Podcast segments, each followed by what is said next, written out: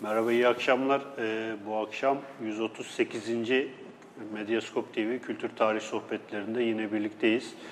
Bugün yine uzaklardan bir e, konuğumuz var. Amerika'dan Michigan Üniversitesi'nde öğretim üyesi. Yanlış değil değil mi hocam? Yok, Doğru doğru. söylüyorum. Ee, öğretim üyesi e, Doktor Erdem Çıpa. Erdem Çıpa'nın e, kitap yayın evinden çıkan e, bir kitabı üzerine Yavuz'u yaratmak, Osmanlı dünyasında saltanat vesayeti, meşruiyet ve ta- tarihi hafıza baş, alt başlığıyla e, çıkan bir e, kitabı üzerine bu akşam e, bir sohbet gerçekleştirmek istiyoruz.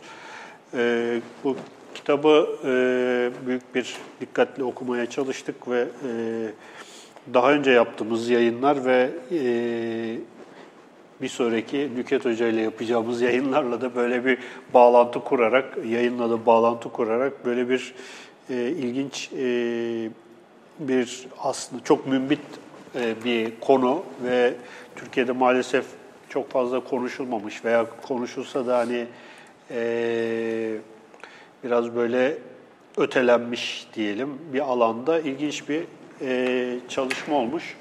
Hocam öncelikle hoş geldiniz diyorum. Hoş bulduk, Ee, sağ olun.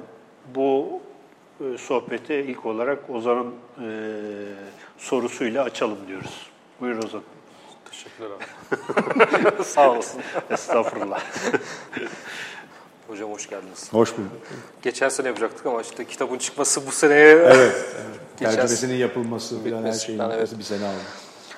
Ee, şeyden önce de programdan önce de şeyi gösterdim hani e, 1662 tarihli Selim e, tasvirini işte isminin birincisi deyince doğrudan aklıma şey geldi. Kitabın ilk bölümünde okurken e, Game of Thrones taht oyunları geldi. Çünkü cidden hani e, biz yani Selim'i biliyoruz. Hani az buçuk işte okuyanlar da biliyordur. Ama işte bir baba e, babasını sultanı tahttan indiren bir e, su- sultan. Yani çok e, kardeşlerini de öldürüyor. İşte e, bayağı bir şey e, karışık bir dönem aslında ama hep böyle bir e, sanki örtbas edilmiş, üstü örtülmüş gibi bir durum var. Ya bunun sebebi nedir böyle? Niye böyle? Çünkü öncesinde işte e, bir de bununla beraber yani şu, onlara da geleceğim. Mesela öncesinde işte ikinci ikinci Mehmet var. Beyazıt var çok çok e, uzun bir dönem e, padişahlık yapıyor da. İktidarda kalıyor. E, sonra birinci Selim geliyor, sonra da birinci Süleyman geliyor. Ama mesela bu seri içinde babası da Selim'in işte 9 senelik, 10 senelik iktidarda kalmasına rağmen böyle gölgede kalmış bir figür. Yani bunun böyle bir toptan bir değerlendirmesi. Tabii yani şeyi e, Game of Thrones referanslarını ben çok anlamıyorum açıkçası. Çünkü ünlü bir şey olduğunu bilmekle beraber içeriği hakkında en ufak bir fikrim yok. Benim onu söyleyebilirim. Ben de hiç izlemedim. Ya onu onu onu bilemiyorum. Ama Ama mutlaka- taht oyunlarından- evet, ama taht taht, oyunları- oyunları konusunda en ufak bir en ufak bir şüphe yok. Ee, birincisi taht yani vesayet veraset kavgaları saltanat verasetinin kavgalarla örülü bir yapısının olması zaten kendi içinde problemli bir şey. Yani çünkü ne olursa olsun o veraset saltanat oyunu içinde kazanan kaybeden birbirine saldıran ilk saldırıyı başlatan bunların hepsinin içinde bir meşruiyet kaygısı herkes için var.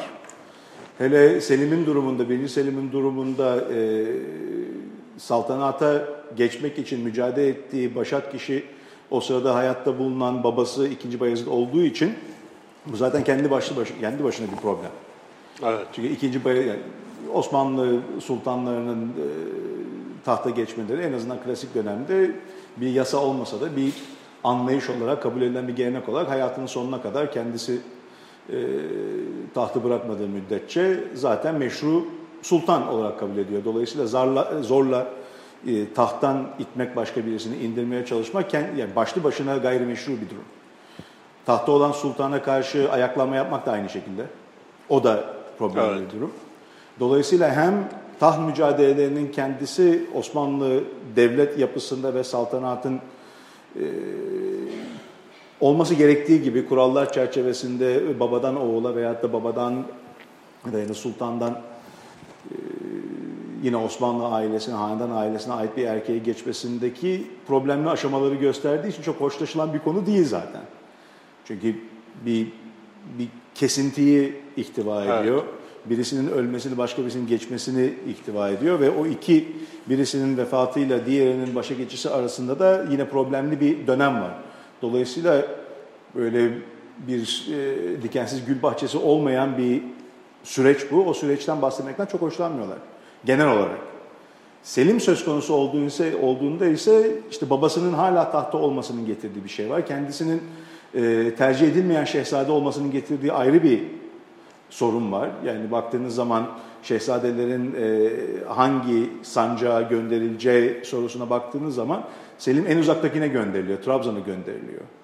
Diğer e, abi, abileri Korkut'la Ahmet yine onlar bir tanesi yine tek elinde, öbürü Amasya'da. Dolayısıyla tahta erişimleri, Bayezid'in ikinci, Bayezid'in ölümü durumunda tahta geçmeleri, hatta ulaşmaları en azından payitahta daha kolay yerlerdeler. Selim en uzakta. Orada zaten favori şehzade olmadığı açık. E bütün sürecin hiç de tercih edilmeyen bir şehzade tarafından e, gayet güdümlü, gayet stratejik bir şekilde e, ve babayı da ikinci Bayezid'i de tahttan indirecek bir şekilde sonuçlanması kendi içinde problemli bir durum. Evet. Ve bundan bahsederken de baktığınız zaman Osmanlı tarihleri çok çok dikkatliler.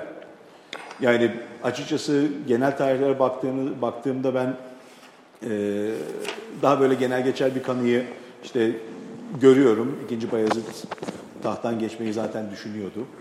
E, en sonunda da kendi isteğiyle oğluna bıraktı filan gibi ifadeler olan bir sürü tarih var. Fakat bir sürü tarihsel anlatı, illaki bunların hepsi hanedan tarihleridir. Onların içinde bunun hiç de sorunsuz bir süreç olmadığını gösteren ipuçlarını bulmak mümkün. İşte o ipuçları yalnız e, büyük bir çoğunluğu çok çok böyle açık seçik bu sürecin probleminden, sorunlu e, doğasından bahsetmiyorlar. Bahsedenler de üstü örtük bir şekilde bahsediyorlar. Evet. Şimdi sizin kitabınızı okurken bu Osmanlı tarihinde tekil bir örnek yani babasıyla savaşarak hatta yer yer çatışarak ordular kurarak Çorlu Muharebesi gibi yani yaşayan sultanla meşru sultanla oğlu e, arasında bir taht kavgası e, başlamış ve bunun başka bir örneği yok bildiğim kadarıyla Osmanlı tarihinde ve e, bayağı bir şey. Şimdi burada sizin kitabınızın girişinde bu Yavuz lakabı üzerinde bir şey var. Şimdi Yavuz'u iki türlü okumak mümkün. Bir yandan işte Cevval, Kahraman, Atak gibi de okunabilir ama bir yandan habis ve kötü ruhlu anlamında da bir okuması olabilir ki e, Lugat'ta da böyle e, şeyler var. E, ilk kez Yavuz lakabı e, herhalde e, bir 100 yıl sonra falan kullanılıyor. Hı hı. E, ama e, bunun ne ne anlamda kullanıldığı e, çok belli değil. Bu işte Yavuz'u yaratma e, başlığından da hani e, şey yaparsak gidersek e, e, bu biraz da gayrimeşru bir eylemin e, yeniden kurgulanması hikayesinde bir e, tarihi yeniden yazma e, şeyi var, e, durumu var. E, burada işte yani size soracağım e, bu lakabın konulması, işte bu toplumsal hafıza, işte bütün bu Anadolu'daki e, özellikle işte Safevi destekçisi görülen insanların e, bir şekliyle katledilmesi vesaire meselesinde e, bir yeni bir e, tarihçilik aslında devreye giriyor. Hı hı. Biraz işte o selimnamelerden falan buralardan bir devam edebilir miyiz tabii, hocam? Tabii Yani Yavuz kelimesinden önce başlayayım. Evet. Ee, ben kesin olarak Yavuz kelimesinin ne zaman ilk defa kullanıldığını Selim için bilmiyorum. Yani bir anonim tarihte evet. benim gördüğüm e, çok böyle erken e, bir şey var, referans var. İşte 16. yüzyılın 17. yüzyıla falan denk gelen bir şey. Fakat orada da yazma daha sonraki yüzyıllardan. Yani yazmaya sonradan eklenmiş mi eklenmemiş mi hmm. diye bir sorun evet. insanın kafasında hemen e, yerleşiyor. Fakat yani en azından bir 100 yıl kadar bir süreden bahsediyoruz. Evet. Yani görünen o en azından şimdilik benim bildiğim kadarıyla.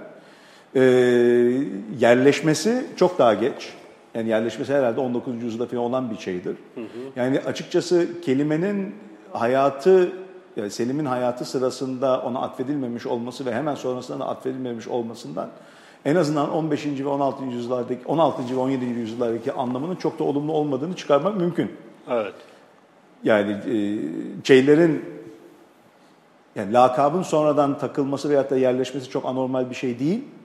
Fakat lakabın e, e, yerleşmesinin çok çok gecikmesi bir kere orada kelimenin anlamıyla ilgili bir olumsuzluk olduğunu gösteriyor bana. Evet. E, kelime, kelimenin tam anlamına baktığınız zaman da 15. ve 16. yüzyıldaki e, lügatlara baktığınız zaman olumlu anlamı yani siz dediğiniz ya iki ayrı boyutu var bunun.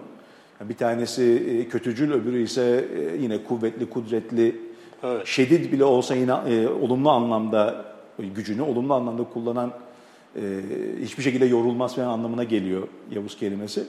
O ikinci anlamı yani olumlu denebilecek anlamı daha sonra oluşan bir anlam.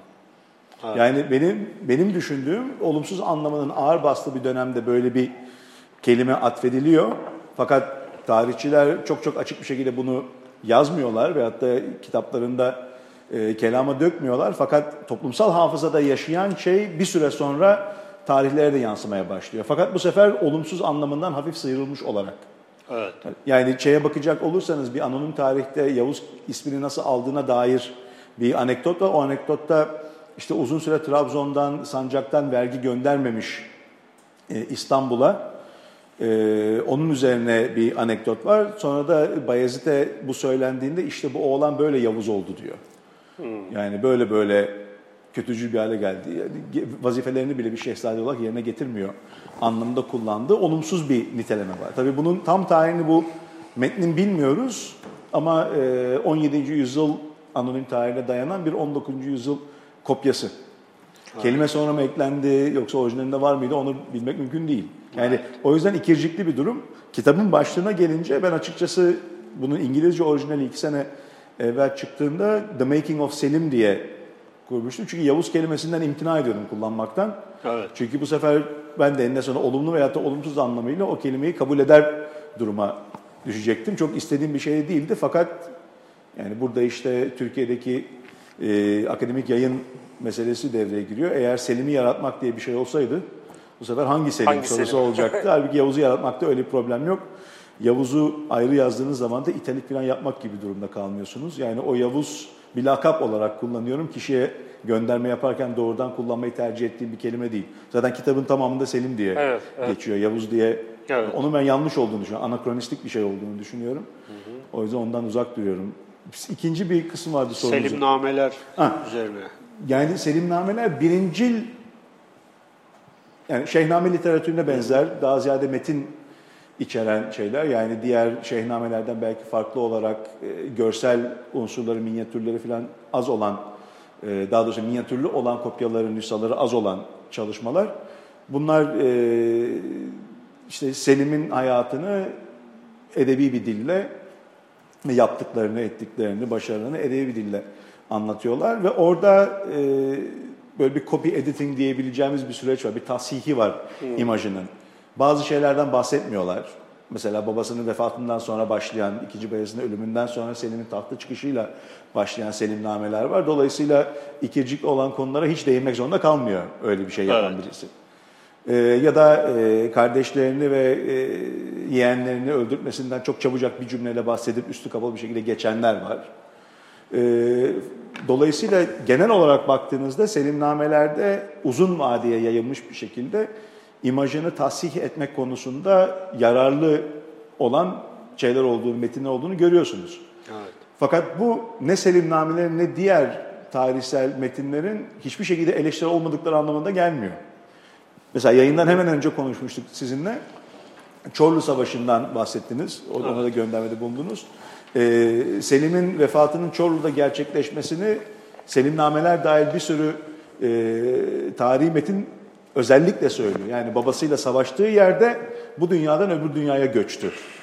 Yani İl, takdiri ilahi diyorlar takdir yani. ilahi, yani Allah onun cezasını verdi anlamına geliyor bu. Çok çok açık bir şekilde Evet, söylenmese de. söylenmese de. Yani böyle üstü kapalı, üstü örtülü vurgular var.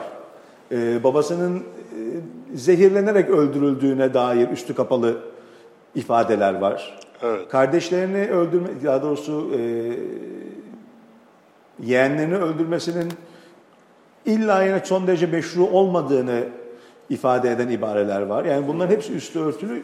Yani en fazla Selim'in imajını düzeltmek için kullanılan metinlerde dahi eleştirel şeyler görebiliyoruz.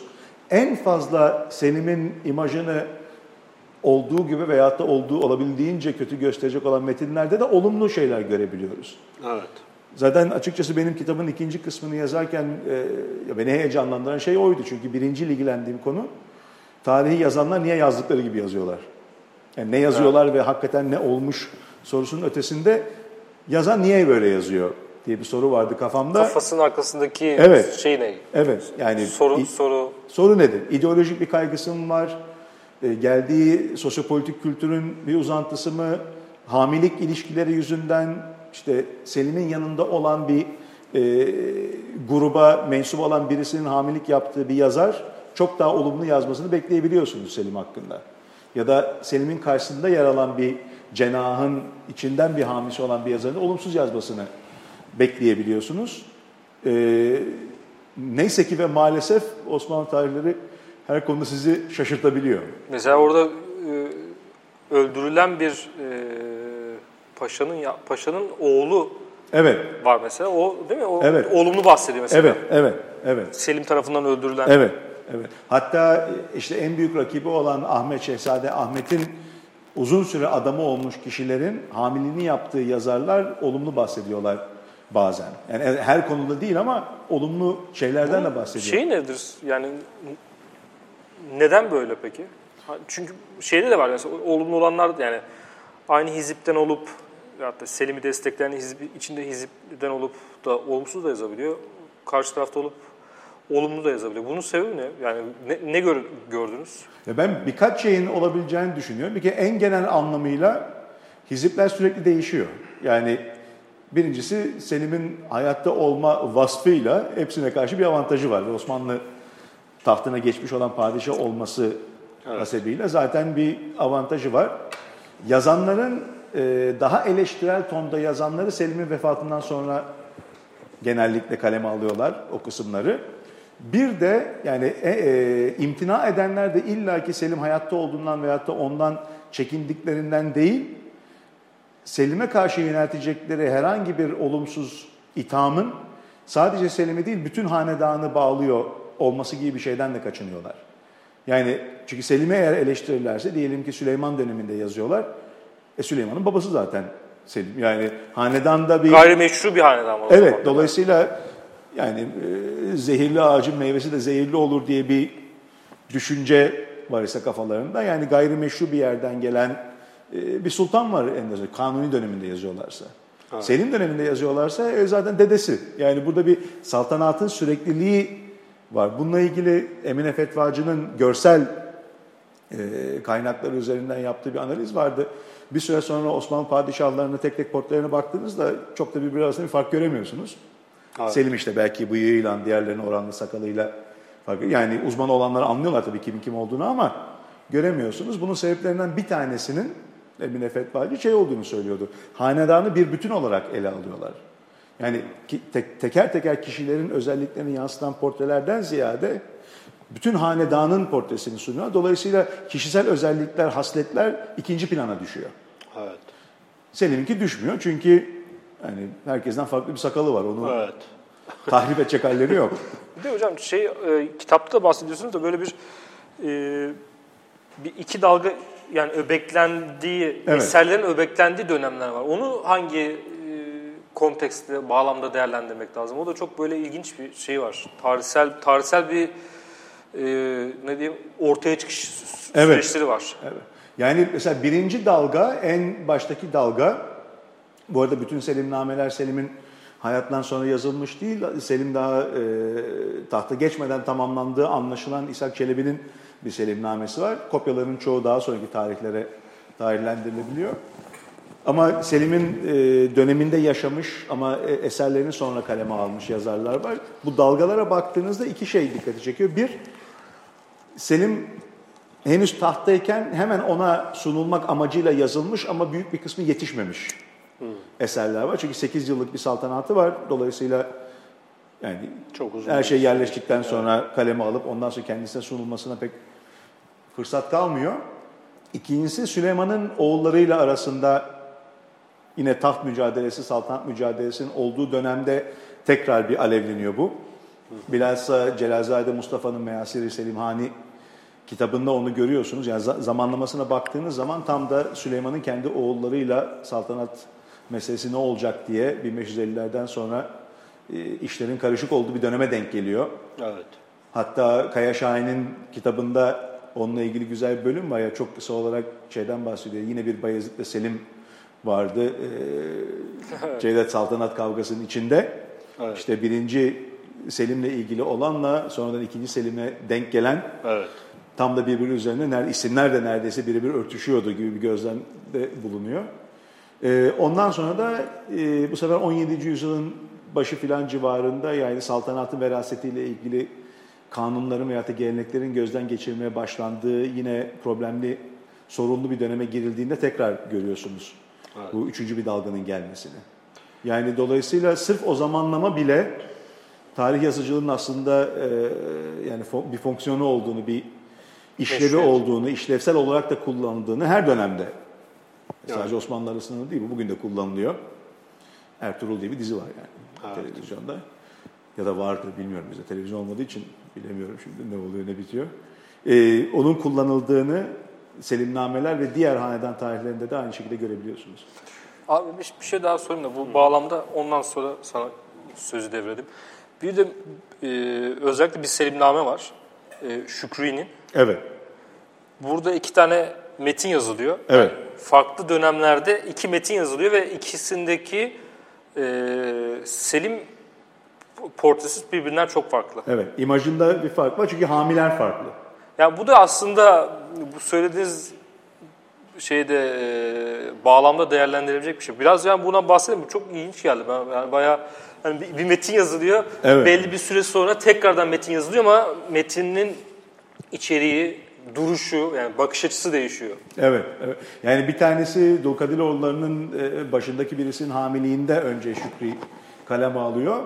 Ee, o metinde işte başlıyor metin ve sonunda bitiyor. Fakat Şükrü'nün kendi anlattığı şekliyle daha sonra Şehsuvaroğlu Ali Bey şey yapınca, e, idam edilince, dolayısıyla Selim'e karşı geldiği için ve Dulkadiroğulları'nın başında çok da fazla e, yani Osmanlı merkezinin istediği siyaseti takip etmediği için biraz bağımsız, yarı bağımsız bazı e, faaliyetleri bulunduğu için o yok oluyor, resimden çıkıyor. Onun yerine gelen, oraya vali olarak gelen e, kişinin hamiliğinde bu sefer tekrar yazılıyor metin. Yani e, gelen kişi de Şükrü'nün kendi deyimiyle Şükrü'ye de, dediği işte o dışarıdan takip ederdi. Yani senin eski hamin dışarıdan takip ederdi Selim'in ahvalini. Halbuki ben sana içeriden bilgi vereceğim deyip tasih ediyor.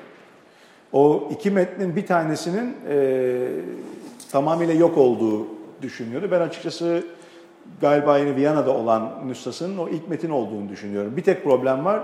İlk metin çok eksikli bir metin. Dolayısıyla yani satır satır karşılaştırmanız e, mümkün olmuyor. Fakat içeriğine baktığınızda e, daha eleştirel bir tınının ilk metinde olduğunu, daha e, az eleştirel bir tınının ikinci metinde olduğunu görebiliyorsunuz. Orada hamilerin e, herhalde bir faktör olduğunu düşünüyorum, bir işlevi olduğunu düşünüyorum. En azından Şükrü'nün hamilerine beğendirmek istediği metni kaleme alırken farklı kriterlere göre hareket ettiğini düşünüyorum ki bu hiç anormal bir şey değil. O metnin özelinde yalnız yani iki ayrı hamiyle iki ayrı metnin olması çok enteresan bir durum evet. yaratıyor. Şimdi e, bu Yavuz döneminin kör noktalarından bir tanesi de bu Memlük Seferi malum. Biz bundan işte 3-4 sene oldu herhalde. Cihan Yüksel Muslu ile burada bir yayın evet. yapmıştık. Onunla da işte ilk kez e, yani çok az çalışılmış bir alan Osmanlı Memlük meselesi. Çünkü hani Safevi ile savaştın. Hadi onlar şeyi iniyorsun aşağıya Memlük ne? Sünni ve kölemen yani şey olarak. Hatta onlar da Türkmen. Yani. Hatta Türkmen evet. yani vesaire. Şimdi orada da mesela bir e, kör noktalardan bir tanesi o. E, bu meseleye mesela nasıl bakmışlar bu selimnameler vesaire, o, bir o, oraya bir değinelim. Bir de beni sizin kitabınızda en çok etkileyen şey şu oldu, Doge Gritti'nin 8 yıl önceden işte Yavuz Sultan Yavuz'un veya 2. Selim'in, şey 1. Selim'in e, bu saldırgan politikasının e, onun bir gün mutlaka iktidara geleceğini e, görmesi ve böyle bir kehanette bulunması. Bu mesela e, Doge Gritti yani İstanbul tarihinde de çok önemli bir şahsiyet. Daha sonradan işte e, Venedik Cumhurbaşkanı gibi bir şey oluyor, devlet başkanı oluyor. Doç. Ee, burada Voyvoda gibi bir e, şey var. Ee, bu öngörü e, adamın neden Cumhurbaşkanı olduğunu veya devlet başkanı olduğunu da göstermesi açısından ilginç bir şeydi. Yani onu da söylemek isterim. Bu Memlük meselesi e, kör nokta olarak bu selimnamelerde mesela ne, nasıl şey yapılmış, e, görülmüş veya e, bunun sebep sebepleri olarak ne şey yapılmış, nasıl meşrulaştırılmış? Yani selimnamelerde ve hanedan tarihlerinde onun meşrulaştırılması konusunda çok bir fark görülmüyor açıkçası. Evet. Yani oradaki mesele e, ya fetvalar var çünkü. Evet.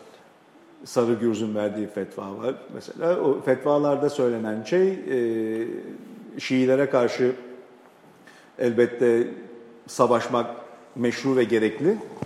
Memlüklere karşı savaşmak işe ise Memlükler Şiilere, Safevilere yardım ettiği için mülhide yardım eden de mülhit statüsünde olur diyerek bu sefer onlara meşru. Yani Evet. bizim düşmanımızın dostu düşmanımızdır gibi bir mantığın şer'en açıklanması o fetvada var. Son derece pragmatik ya da pratik.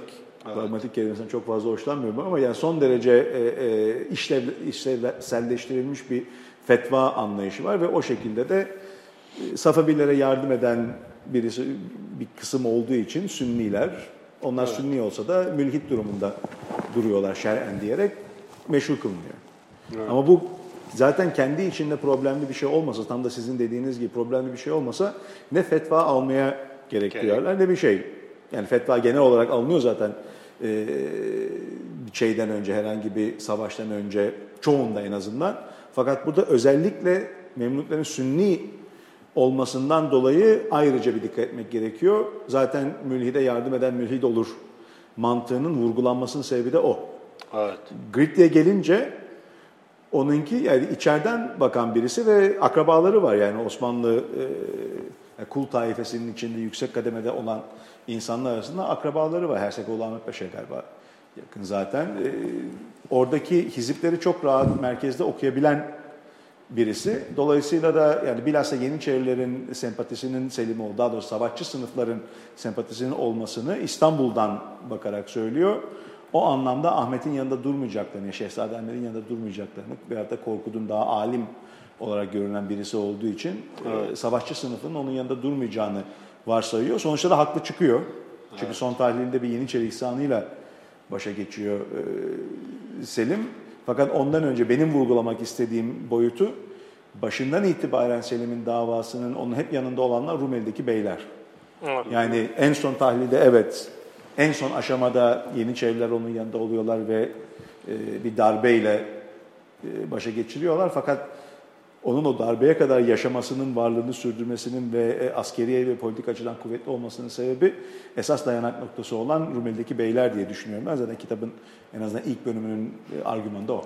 O, buradan aslında oraya da geçebiliriz. Yani Tabii. bu çünkü burada e, bir olgu var. İşte, işte Selim'in e, iktidara geçmesi babasını devirerek ama bunun daha genel şeyde de genel bir perspektifte baktığımız zaman aslında burada Osmanlı e, siyaset düşüncesi üzerine işte bu patri, patrimonyalizm mevzusu belki bir yerde şey diyorsunuz tırnak içinde kullanacağım toplumsal sözleşme Evet, evet, mevzusu ve e, e, şeyler içindeki siyasi Osmanlı siyasi iktidarındaki aslında hep böyle bir şey diye düşünüyoruz. Mutlak e, gücü elinde tutan bir iktidar varmış gibi düşünüyoruz ama aslında bu böyle değil. Yani e, belki de en başından itibaren böyleydi.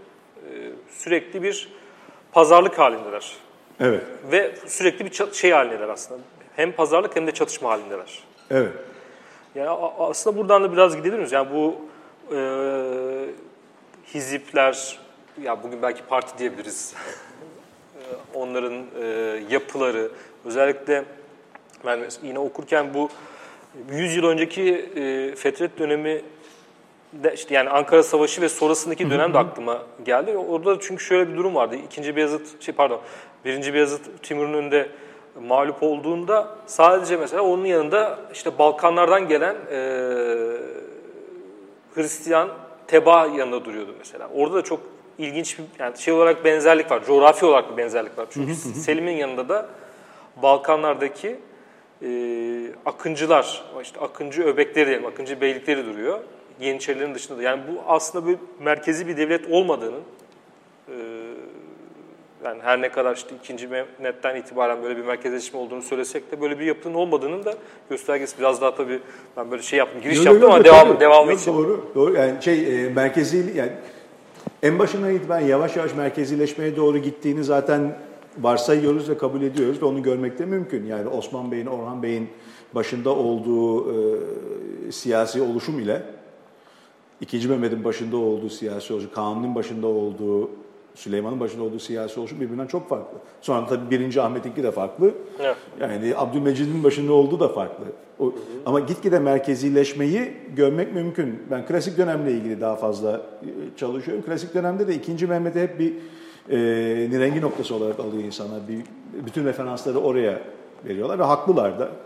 Yani bir sürü işte kanunnameler, başkentin İstanbul olması falan gibi bir sürü unsura baktığınızda merkezileşmenin e, çok somut bir şekilde artık reddedilemez bir şekilde ortaya çıktığı görülüyor. Fakat bu merkezleşmenin tek yöntem olduğu ve tamamlanmış bir süreç olduğu anlamına gelmiyor. Yani eninde sonunda e, 2. Mehmet başa geçtiğinde ya da ondan sonrasında 2. Bayezid başa geçtiğinde James Sultan diye bir vaka var. James Sultan'ın Avrupa'da olması uzun süre yani oradan gelebilecek, destek bulabileceği e, askeri, siyasi öbeklerin de göz önünde bulundurmasının gerekiyor ve 2. Bayezid'in en azından 1995'e kadar olan e, siyasetinin nispeten barışçıl olarak görünmesine sebebiyet veriyor. Yani Memluklara karşı savaş daha sonra açılıyor. Cem vefat ettikten sonra. E, e, bu şeye, bu düzlemde baktığımızda gördüğümüz şey evet merkezi, giderek merkezleşme diye bir şey var. Fakat bu hiçbir zaman belki de sonuna kadar imparatorluğun her şeyin merkezden yönetildiği ve o tek adamın her şeye hakim olduğu bir yönetim biçimine dönüşmüyor. Evet gitgide daha e, e, merkezileşme söz konusu. Fakat Rumeli'deki beyler, sancaklardaki beyler, e, ulemanın kendi içindeki grupları, e, katipleri içine alan, okuma yazması olan sınıfların e, kudreti bir yere kadar. E, kul taifesi olan insanların kudreti, devşirme kökenli olanlarla olmayanların e, birbirlerine karşı göreceli kudreti, kuvveti bunları görebiliyorsunuz. E, öyle olunca da başa geçme, saltanat verasetiyle ilgili hemen hemen bütün mücadeleler mümkün olduğunca fazla hizibi ve grubu kendi yanında toplayan kişinin kazandığı mücadeleler haline geliyor. Yani bir yandan saltanat verasetinde e, takdiri ilahi diye bir şey olduğunu varsayıyor Osmanlılar. En azından gelenek böyle. Fakat görüyorsunuz ki takdiri ilahi manipüle etmek için ellerinden geleni yapıyorlar. Takdiri ilahi küçük bir orduyla manipüle edilemiyor. Takdiri ilahi e, devşirmelerin veya Rumeli beylerinin desteğini almadan manipüle edilemiyor. Ama onların desteğini aldığınızda, başarılı olduğunuzda bu zaten takdiri ilahinin bir göstergesi olarak kabul ediliyor son kertede.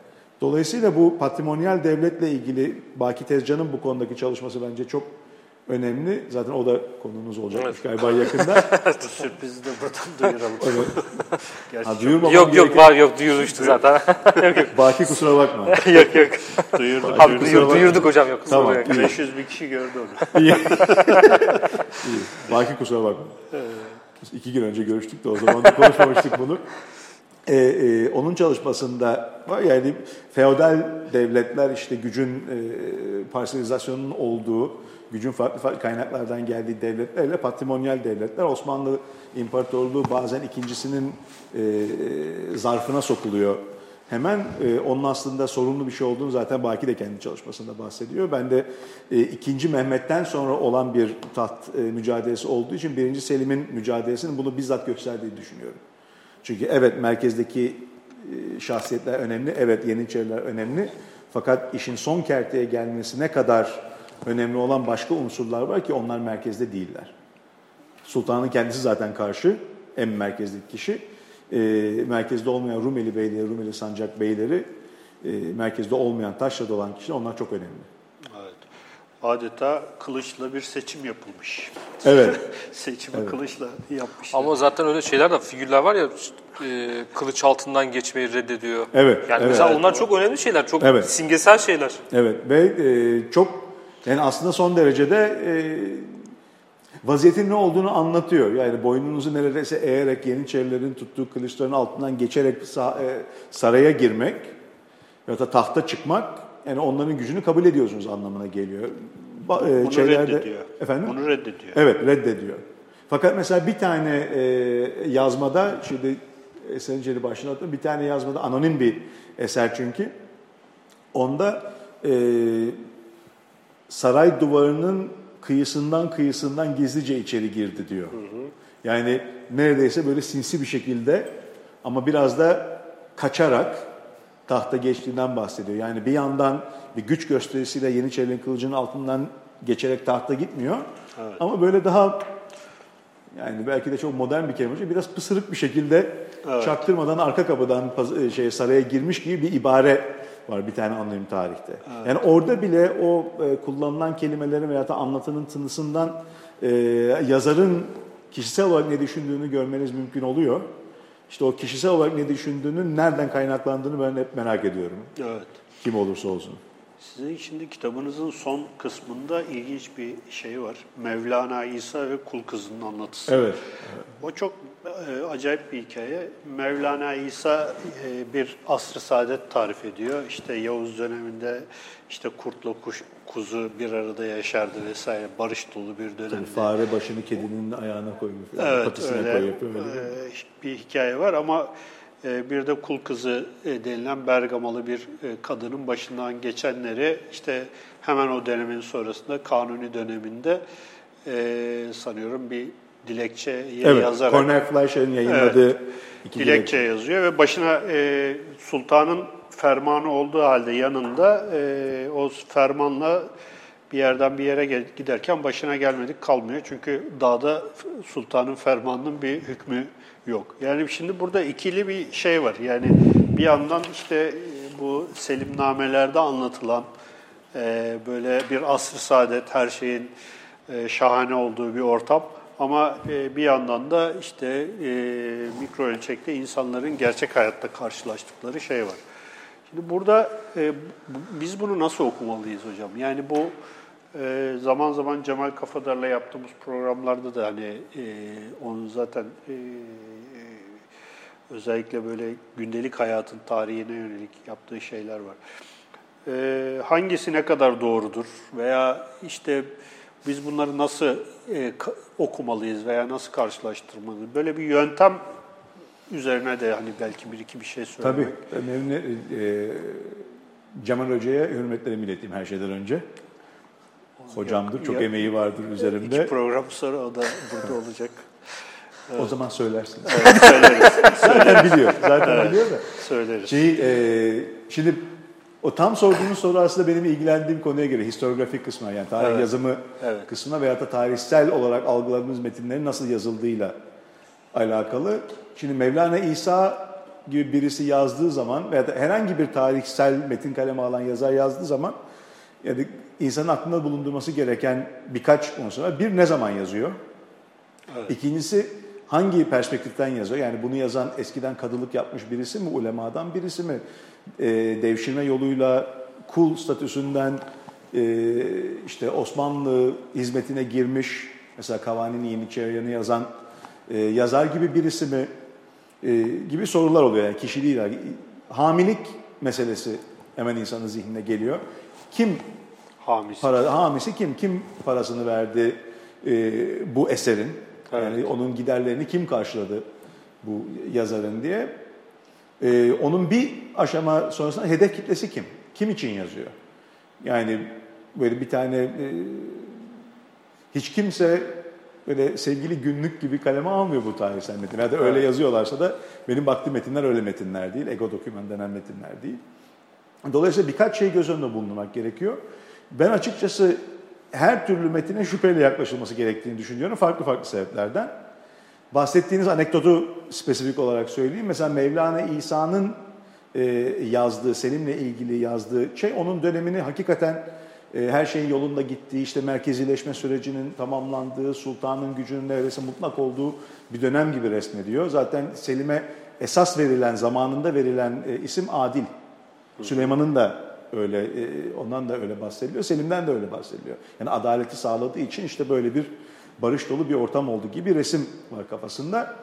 Tabi burada e, çok böyle makro düzeyde bakıyor Mevlana İsa. Neredeyse e, bütün detayların üzerinden geçiyor. Onları şöyle bir çok kalın bir fırçayla boyuyor ve genel bir resim, bir imaj, belki de bir imge sunuyor. Evet. Öbürüne baktığınızda yani kul kızının yazdığı dilekçe ise canı yanmış bir insanın tazminat istemek için yazdığı bir metin. Evet. Dolayısıyla orada yazdığı acıları her ne kadar sıralasa da onların e, düzeyini bilmek mümkün değil bizim açımızdan. Abarttığı şeyler olabilir, az yazdığı şeyler olabilir. Kendisine o zaman da ayıp gelen şeyler olabilir, e, üstünü örttüğü. Evet. Mesela orada açık açık söylediği bir şey vardı. E, e, saldırıya uğradım, çocuğumu düşürdüm evet. diye bahsediyor kul kızı. Mesela buradaki saldırının e, nasıl bir saldırı olduğu yani darp mı yoksa cinsel alandan tecavüz mü olduğunu bilmek çok mümkün değil. İkincisiyle evet. ilgili bir imaj yaratıyor ama yazdığı e, orada bambaşka bir metin var. Bir şikayetname var ve bir rapor var. Neredeyse bir e, yani polise gittiğinizde tutanak gibi bir evet. yanı var o belgenin. Dolayısıyla ona da bir tutanak olarak bakmak gerekiyor. Her ikisinde de olmuş olan hadiseyi dışa vururken e, dışarıda bırakanlar, abartılanlar gibi bir kategori mutlaka vardır. Hı hı. İşte orada da e, yazarın amacını düşünmek lazım. Bu benim için hem heyecan verici hem de maalesef içinden her zaman kolay çıkılabilen bir evet. mesele değil. Ama çok çok kısa haliyle söylemek gerekirse Mevlana İsa'nınkinin e, aşırı derecede belki e, idealize edilmiş bir resim olduğunu, imge olduğunu söylemek mümkün. E, şeyinkinin de, e, kul kızınınkinin de büyük ihtimalle gerçeğe daha yakın ve bir şikayetname olduğunu. Evet. Tabii kul kızınınki herkesin başına aynı şey geliyor anlamına gelmiyor onun tecrübesi.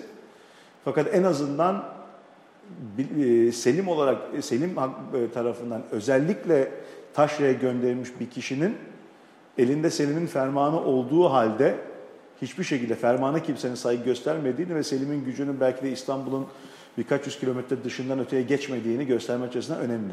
O da evet. zaten patrimonyalizm meselesini O mesela çok şaşırtıcı bir şey. Yani bu kadar e, şiddet bir padişahın e, aslında hani çok da bizim dışarıdan gördüğümüz kadar e, kontrolü gündelik hayatta veya taşrada kontrolü e, veya belki de o bölgede bilmiyoruz yani o kadarını ama ilginç bir şey yani. Merkezdeki kudretiyle dışarıya yansıyan gündelik hayatta yansıyan çok, ve bu da çok normal yani düşünecek olursanız merkezi evet. bir devletin e, yani haberleşme ağı yani şimdiki gibi değil hiçbir şey. Şu anda herkesin her şeyden anında haberi olabiliyor.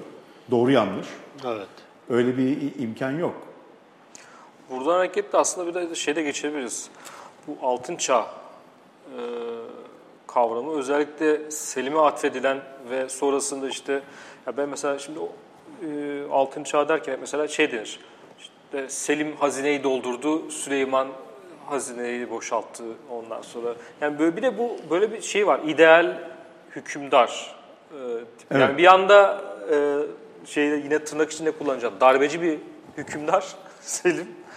Ama diğer tarafta da yani o imgenin yaratılması bağlamında konuşacak olursak yani Yavuz'u yaratmak bağlamında konuşacak bir ideal bir e, sultana dönüşüyor ve buradan da e, altın çağ evet. refer edilen e, birisi sultan haline geliyor.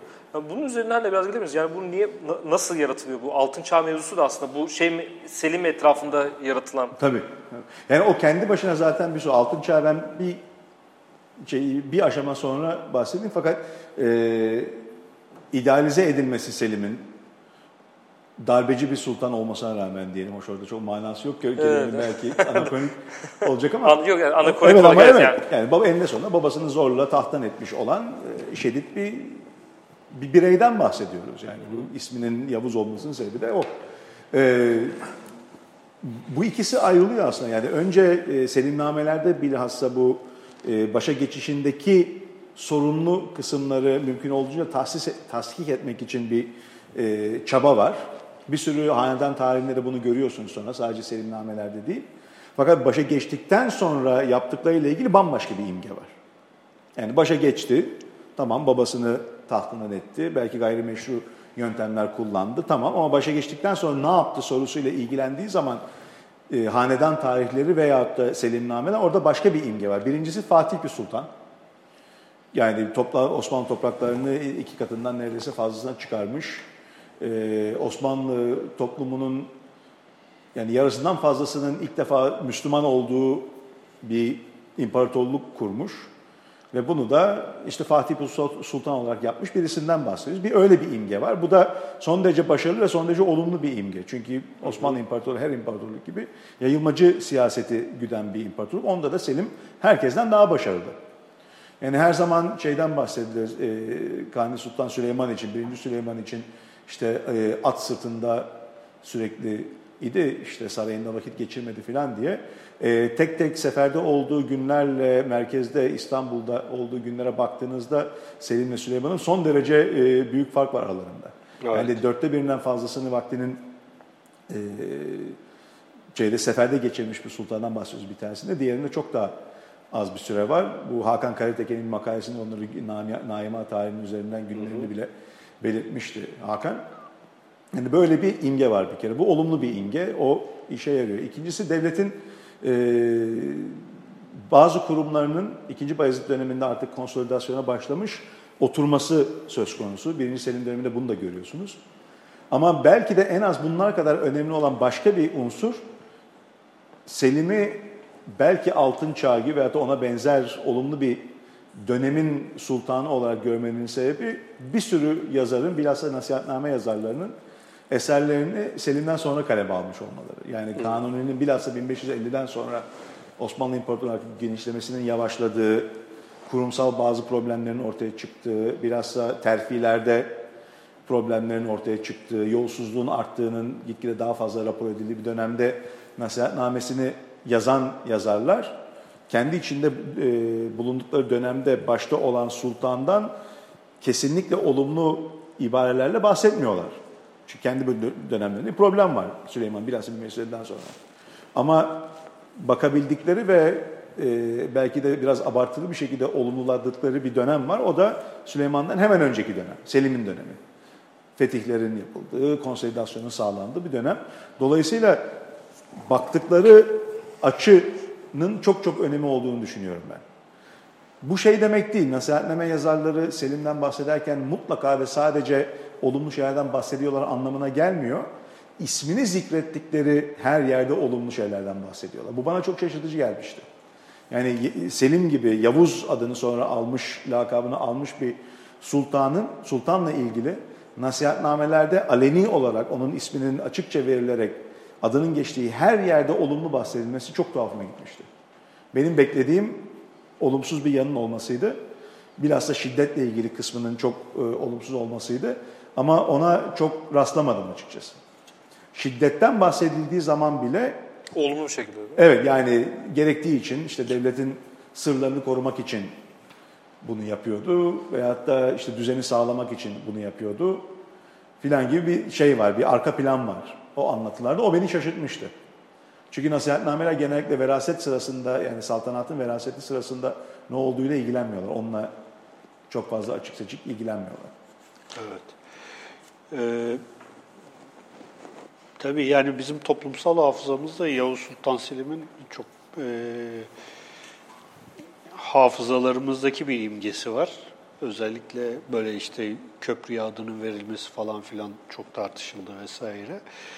Ama bir yandan da baktığımız zaman mesela Selim'in iktidara gelmesinde e, bir takım Anadolu'daki bu e, Safevi yanlısı ayaklanmalar tarihin bir ironisi olarak çok onun işine yaramış. Onun işini evet. çok kolaylaştırmış bir yandan da.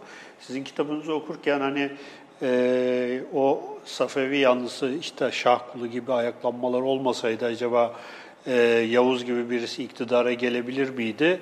O mesela bir soru işareti değil mi? Yani o evet, bu Bir de bu e, şey çok e, kitabınızı e, okurken hani e, oğlunun kefeye, Süleyman'ın kefeye e, atanmasını sağlanması, e, sağlayabilmesi, daha sonra kendisinin Trabzon'dan oraya gitmesi, sonra oradan Balkan... Yani adeta bir satranç oyunu Evet, evet. olmuş. Yani e, sanki böyle bir takım fake e, şeyler yapılmış. işte oğlunu e, ne bileyim Bolu'ya atanmasını sağlamaya çalışmak falan filan gibi. Ben o yüzden başta taht oyunları dedim yani. Yani gerçek gerçekten olağanüstü bir e, yani 3-5 sene içinde olağanüstü bir hareketlilik, e, bir taht oyunu vesaire olmuş. Burada babasıyla işbirliği yapan Süleyman'ın herhalde e, tek daha sonraki dönemde tek aday olması veya tek şey olmasının da önü açılmış değil mi? Tabii, tabii. Yani şeyde Lütfü Paşa'nın tarihinde galiba bahsediyor e, Süleyman. Yani Süleyman- Süleyman, olmasa Yavuz belki de bu tahtı ele geçiremezdi.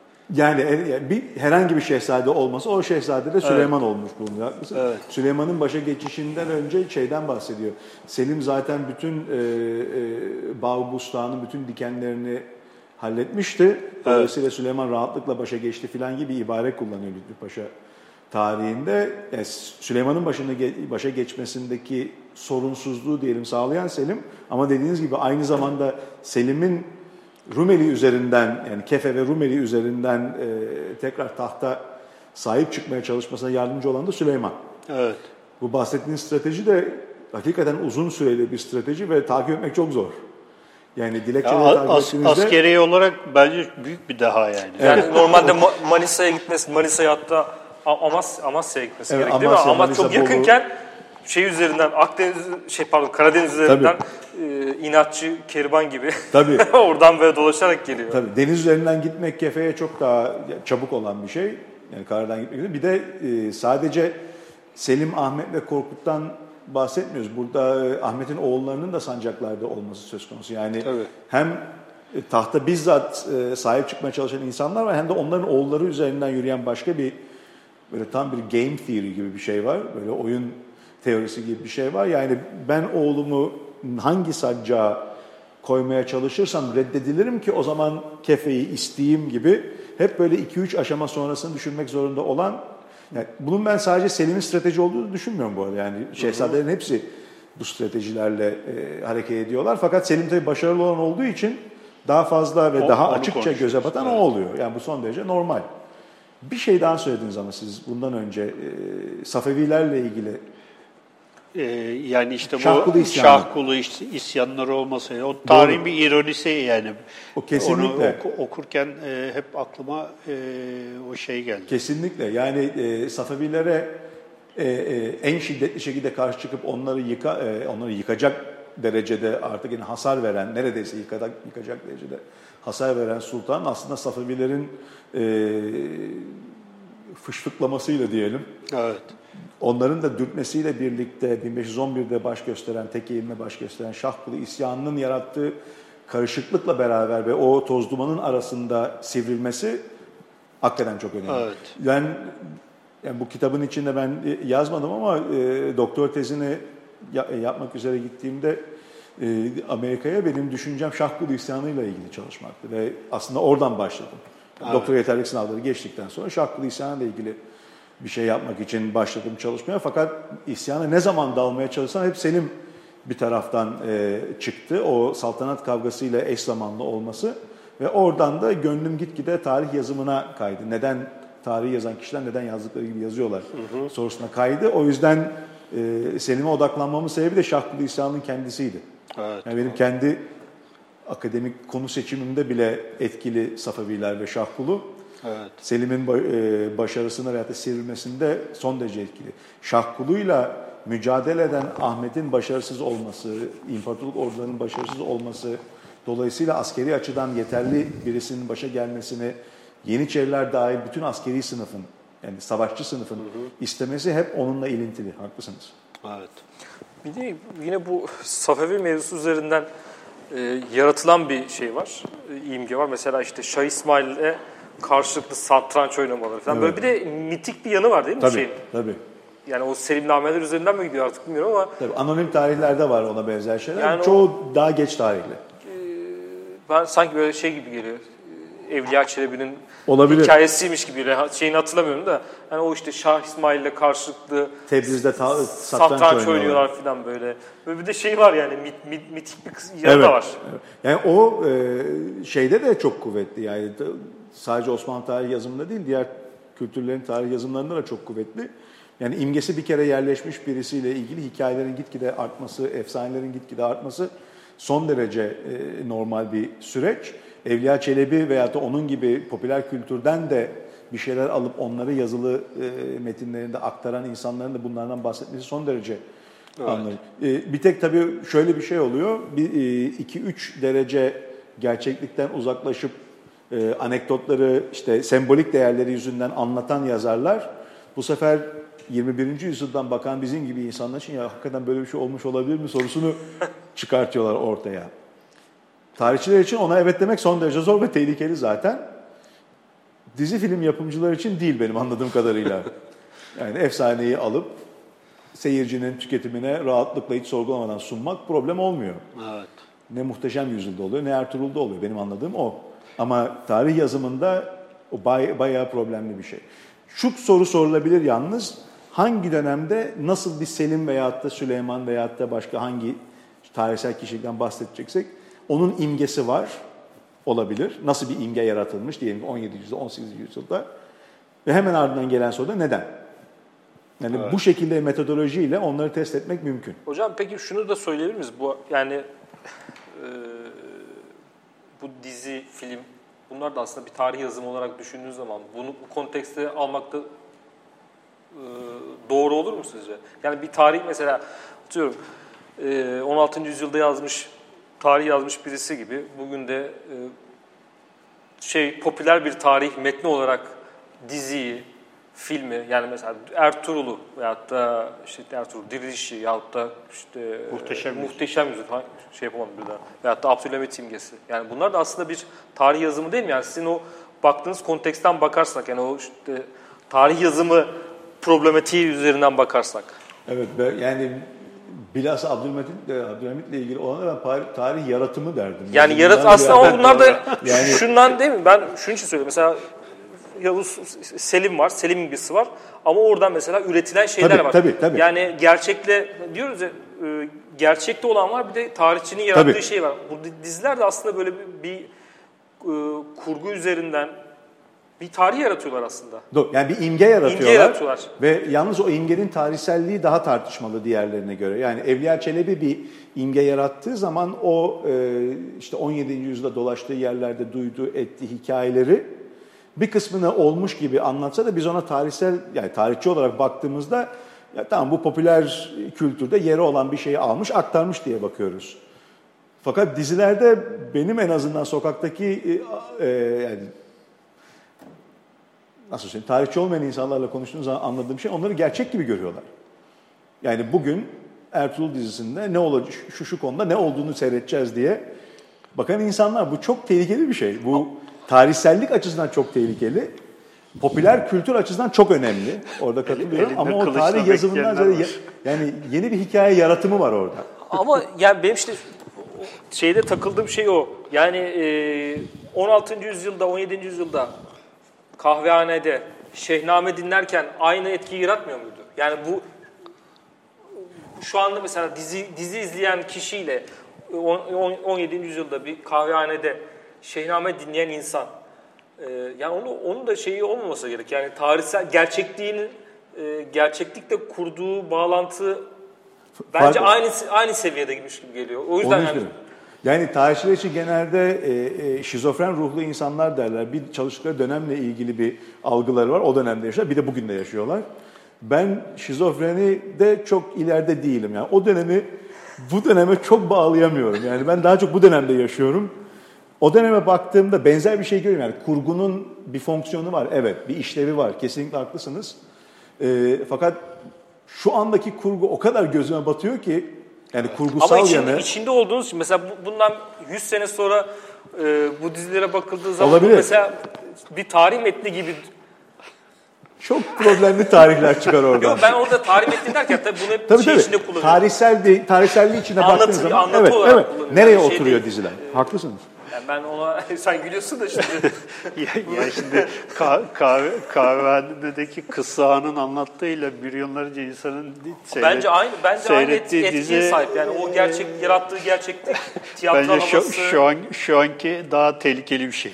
Yani e, şimdi hikayeden yani edebi bir metinden bahsettiğiniz zaman veya da popüler bir hikayeden bahsettiğiniz zaman ben kesinlikle katılıyorum. Orada kurgu olduğunu bilerek dinliyor insanlar hoşça vakit geçirmek için.